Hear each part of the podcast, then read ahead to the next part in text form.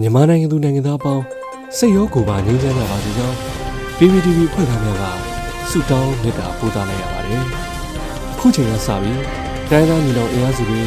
ပြည်သူ့ကာကွယ်ရေးတပ်မတော် PDF တပ်သားတွေနဲ့ပြည်သူလူထုရဲ့အချိန်ဟုန်မြင့်မားလာသောတိုက်ပွဲသတင်းတွေကိုစူးစီးတင်ဆက်ပေးသွားတော့မှာဖြစ်ပါတယ်။ကျွန်တော်ຫນွေဦးလင်းပါပထမဦးစွာဒဝဲမြို့နယ်ပကာရီနယ်မြေရဲစခန်းကိုပြည်သူ့ကာကွယ်ရေးတပ်များ ဝင်ရောက်စီးနေတဲ့သတင်းကိုတင်ဆက်ပါမယ်။ဒဝဲမြို့အရှိတ်10မိုင်ကွာရှိပကာရီနယ်မြေရဲစခန်းကိုယမနေ့17:30မိနစ်တွင်ဝင်ရောက်စီးနှင်းမီးရှို့ဖျက်သိမ်းကာရင်းဒေသတစ်ခုလုံးကိုနယ်မြေစိုးမိုးမှုရယူလိုက်ကြောင်းတနင်္သာရီဒေသခွဲကုတ်ကဲရေးအဖွဲ့သတင်းပြန်ကြားရေးအဖွဲ့ကထုတ်ပြန်ပါတယ်။ပြည်သူ့ကာကွယ်ရေးတပ် PDF နဲ့ဒဝယ်မြို့နယ်ပြည်သူ့ကာကွယ်ရေးတပ်တို့ပူးပေါင်းကစီးနှင်းငယ်ခြင်းပါ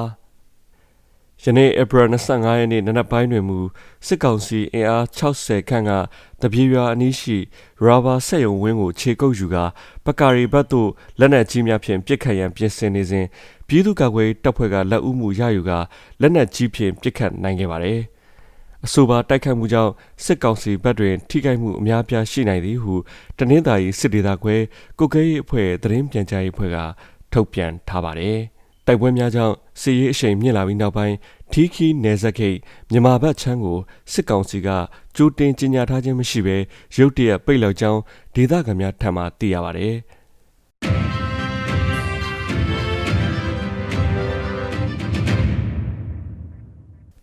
ဆလဘီတောင်ကူခရိုင် KNDO တပ်ရင်း၄နယ်မြေမှာရှိတဲ့စစ်ကောင်စီတပ်စခန်းတွေ15ရက်အတွင်းအပီးတိုင်ရုပ်သိမ်းမှုကြေညာထားတဲ့သတင်းကိုတင်ဆက်ပါမယ်။ ကရင်မျိုးသားစီယုံ KNU တပ်မဟာနဲ့တောင်ငူခရိုင်မှာရှိတဲ့ကရင်အမျိုးသားကာကွယ်ရေးတပ်ဖွဲ့ KNDO တပ်ရင်း၄နယ်မြေကစစ်ကောင်စီစခန်းတွေ15ရက်အတွင်းအပီးတိုင်ရုပ်သိမ်းထွက်ခွာပေးဖို့ KNDO တပ်ရင်း၄ကသတိပေးကြေညာခဲ့ပါတယ်။စစ်ကောင်စီတပ်တွေအနေနဲ့တမတ်ရက်ကြော်လွန်ပြီးဆက်လက်တပ်ဆွဲနေမယ်ဆိုရင်နောက်ဆက်တွဲကိစ္စတွေကိုတာဝန်ယူမှာမဟုတ်ဘူးလို့ KNDO တပ်ရင်း၄ရဲ့ဧပြီလ25ရက်ရက်စွဲပါကြေညာချက်မှာဖော်ပြထားပါတယ်။ KNDO တရင်လေးနယ်မြေတွင်စစ်စခန်းတွေတိစောက်တက်ဆွဲထားတာဟာကရင်လူထုနဲ့တိုင်းရင်းသားပြည်သူတွေအတွက်ဘာကောင်းကျိုးတက်ရောက်မှုများမရှိတဲ့အပြင်လူထုအနေနဲ့ဥယျာဉ်ချမ်းလုပ်ငန်းတွေတောင်ယာလုပ်ငန်းတွေနဲ့ကုန်စည်ပို့ဆောင်ရေးလုပ်ငန်းတွေလောက်ကင်ဆောင်ရွက်ရမှာအဟန့်အတားအခက်အခဲဖြစ်ပြီးလူမှုစီးပွားဘဝထိခိုက်နေတယ်လို့ဆိုပါတယ်အထူးသဖြင့်ကြီးချောင်းစစ်စခန်းနဲ့48မိုင်6ဒေးစစ်စခန်းတွေကြောင့်ဒေသတွင်းရှိလူထုတွေဟာ ထိတ်လန့်ကြောက်ရွံ့နေရတာမိုင်းခွင်းတွေကြောင့်နေ့စဉ်သွာလာနေထိုင်စားတော့ရမှာအဟန့်အတားခက်ခဲဖြစ်နေရတာစစ်ကောင်စီတပ်ဟာဥတီချက်မဲ့ပြစ်ခတ်မှုတွေကိုစိုးရိမ်ကြောက်လန့်နေရတာစတဲ့ဒုက္ခတွေကိုခံစားနေကြရလို့ဒီတပ်စခန်းတွေတည်ရှိနေခြင်းအားလုံးဝလက်မခံနိုင်ဘူးလို့ KNDO တရင်လေးကထုတ်ပြန်ခဲ့ပါတယ်ပြီးခဲ့တဲ့ဧပြီလ20ကလည်း KNU တထုံခိန်မှာရှိတဲ့ KNDO တရင်နှစ်ကလည်းကြေညာချက်ထုတ်ပြန်ခဲ့တာမှာ ဒီဒေသမှာရှိတဲ့စစ်ကောင်စီရဲ့လေးကင်နဲ့ဝင်းတာပန်တပ်စခန်းတွေ၃ရက်အတွင်းစုတ်ခွာဖို့တတိပေးခဲ့ပါတယ်။ဒီလိုတတိပေးကြေညာတဲ့ပေါ်မလိုက်နာတာကြောင့်ဆိုပြီးဧပြီလ23ရက်ညပိုင်းနဲ့ဒီကနေ့မှာတတိပေးပြစ်ခတ်မှုတွေလှုပ်ဆောင်ခဲ့ပါတယ်။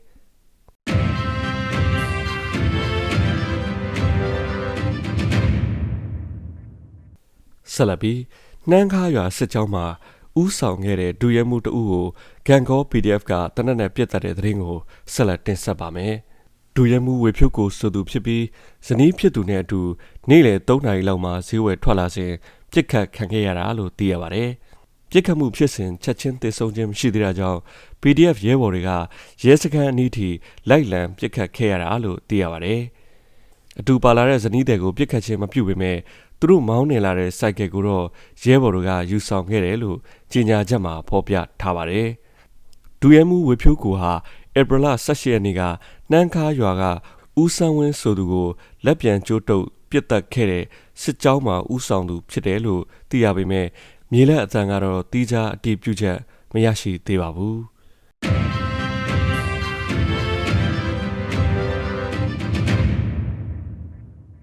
နောက်ဆုံးအနေနဲ့ မြင်းကြံတွင်လက်နက်ကင်ပြူစောတိနှစ်ဦးပြစ်ဒဏ်ခံရပြီးတေဆုံးတဲ့တဲ့ရင်ကိုတင်ဆက်မှာပါ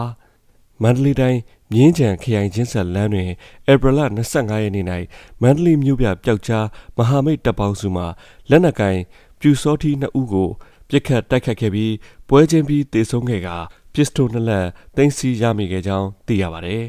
။အဆိုပါတိုက်ခတ်မှုကို Ranger of Mandalay အဖွဲ့အနက်ရောင်တင်မင်းအဖွဲ့ MDY မဟာမိတ်အဖွဲ့များနဲ့ဒေသခံကာကွယ်ရေးအဖွဲ့များကပူးပေါင်းလှုပ်ဆောင်ခဲ့ခြင်းဖြစ်ခါတင်းစီရမိသောပစ္စတိုနှစ်လက်ကိုပြည်သူ့ကာကွယ်ရေးတပ်ဖွဲ့ထံအနံခဲ့ကြောင်းမဟာမိတ်တပ်ပေါင်းစုများကထုတ်ပြန်ထားပါတယ်။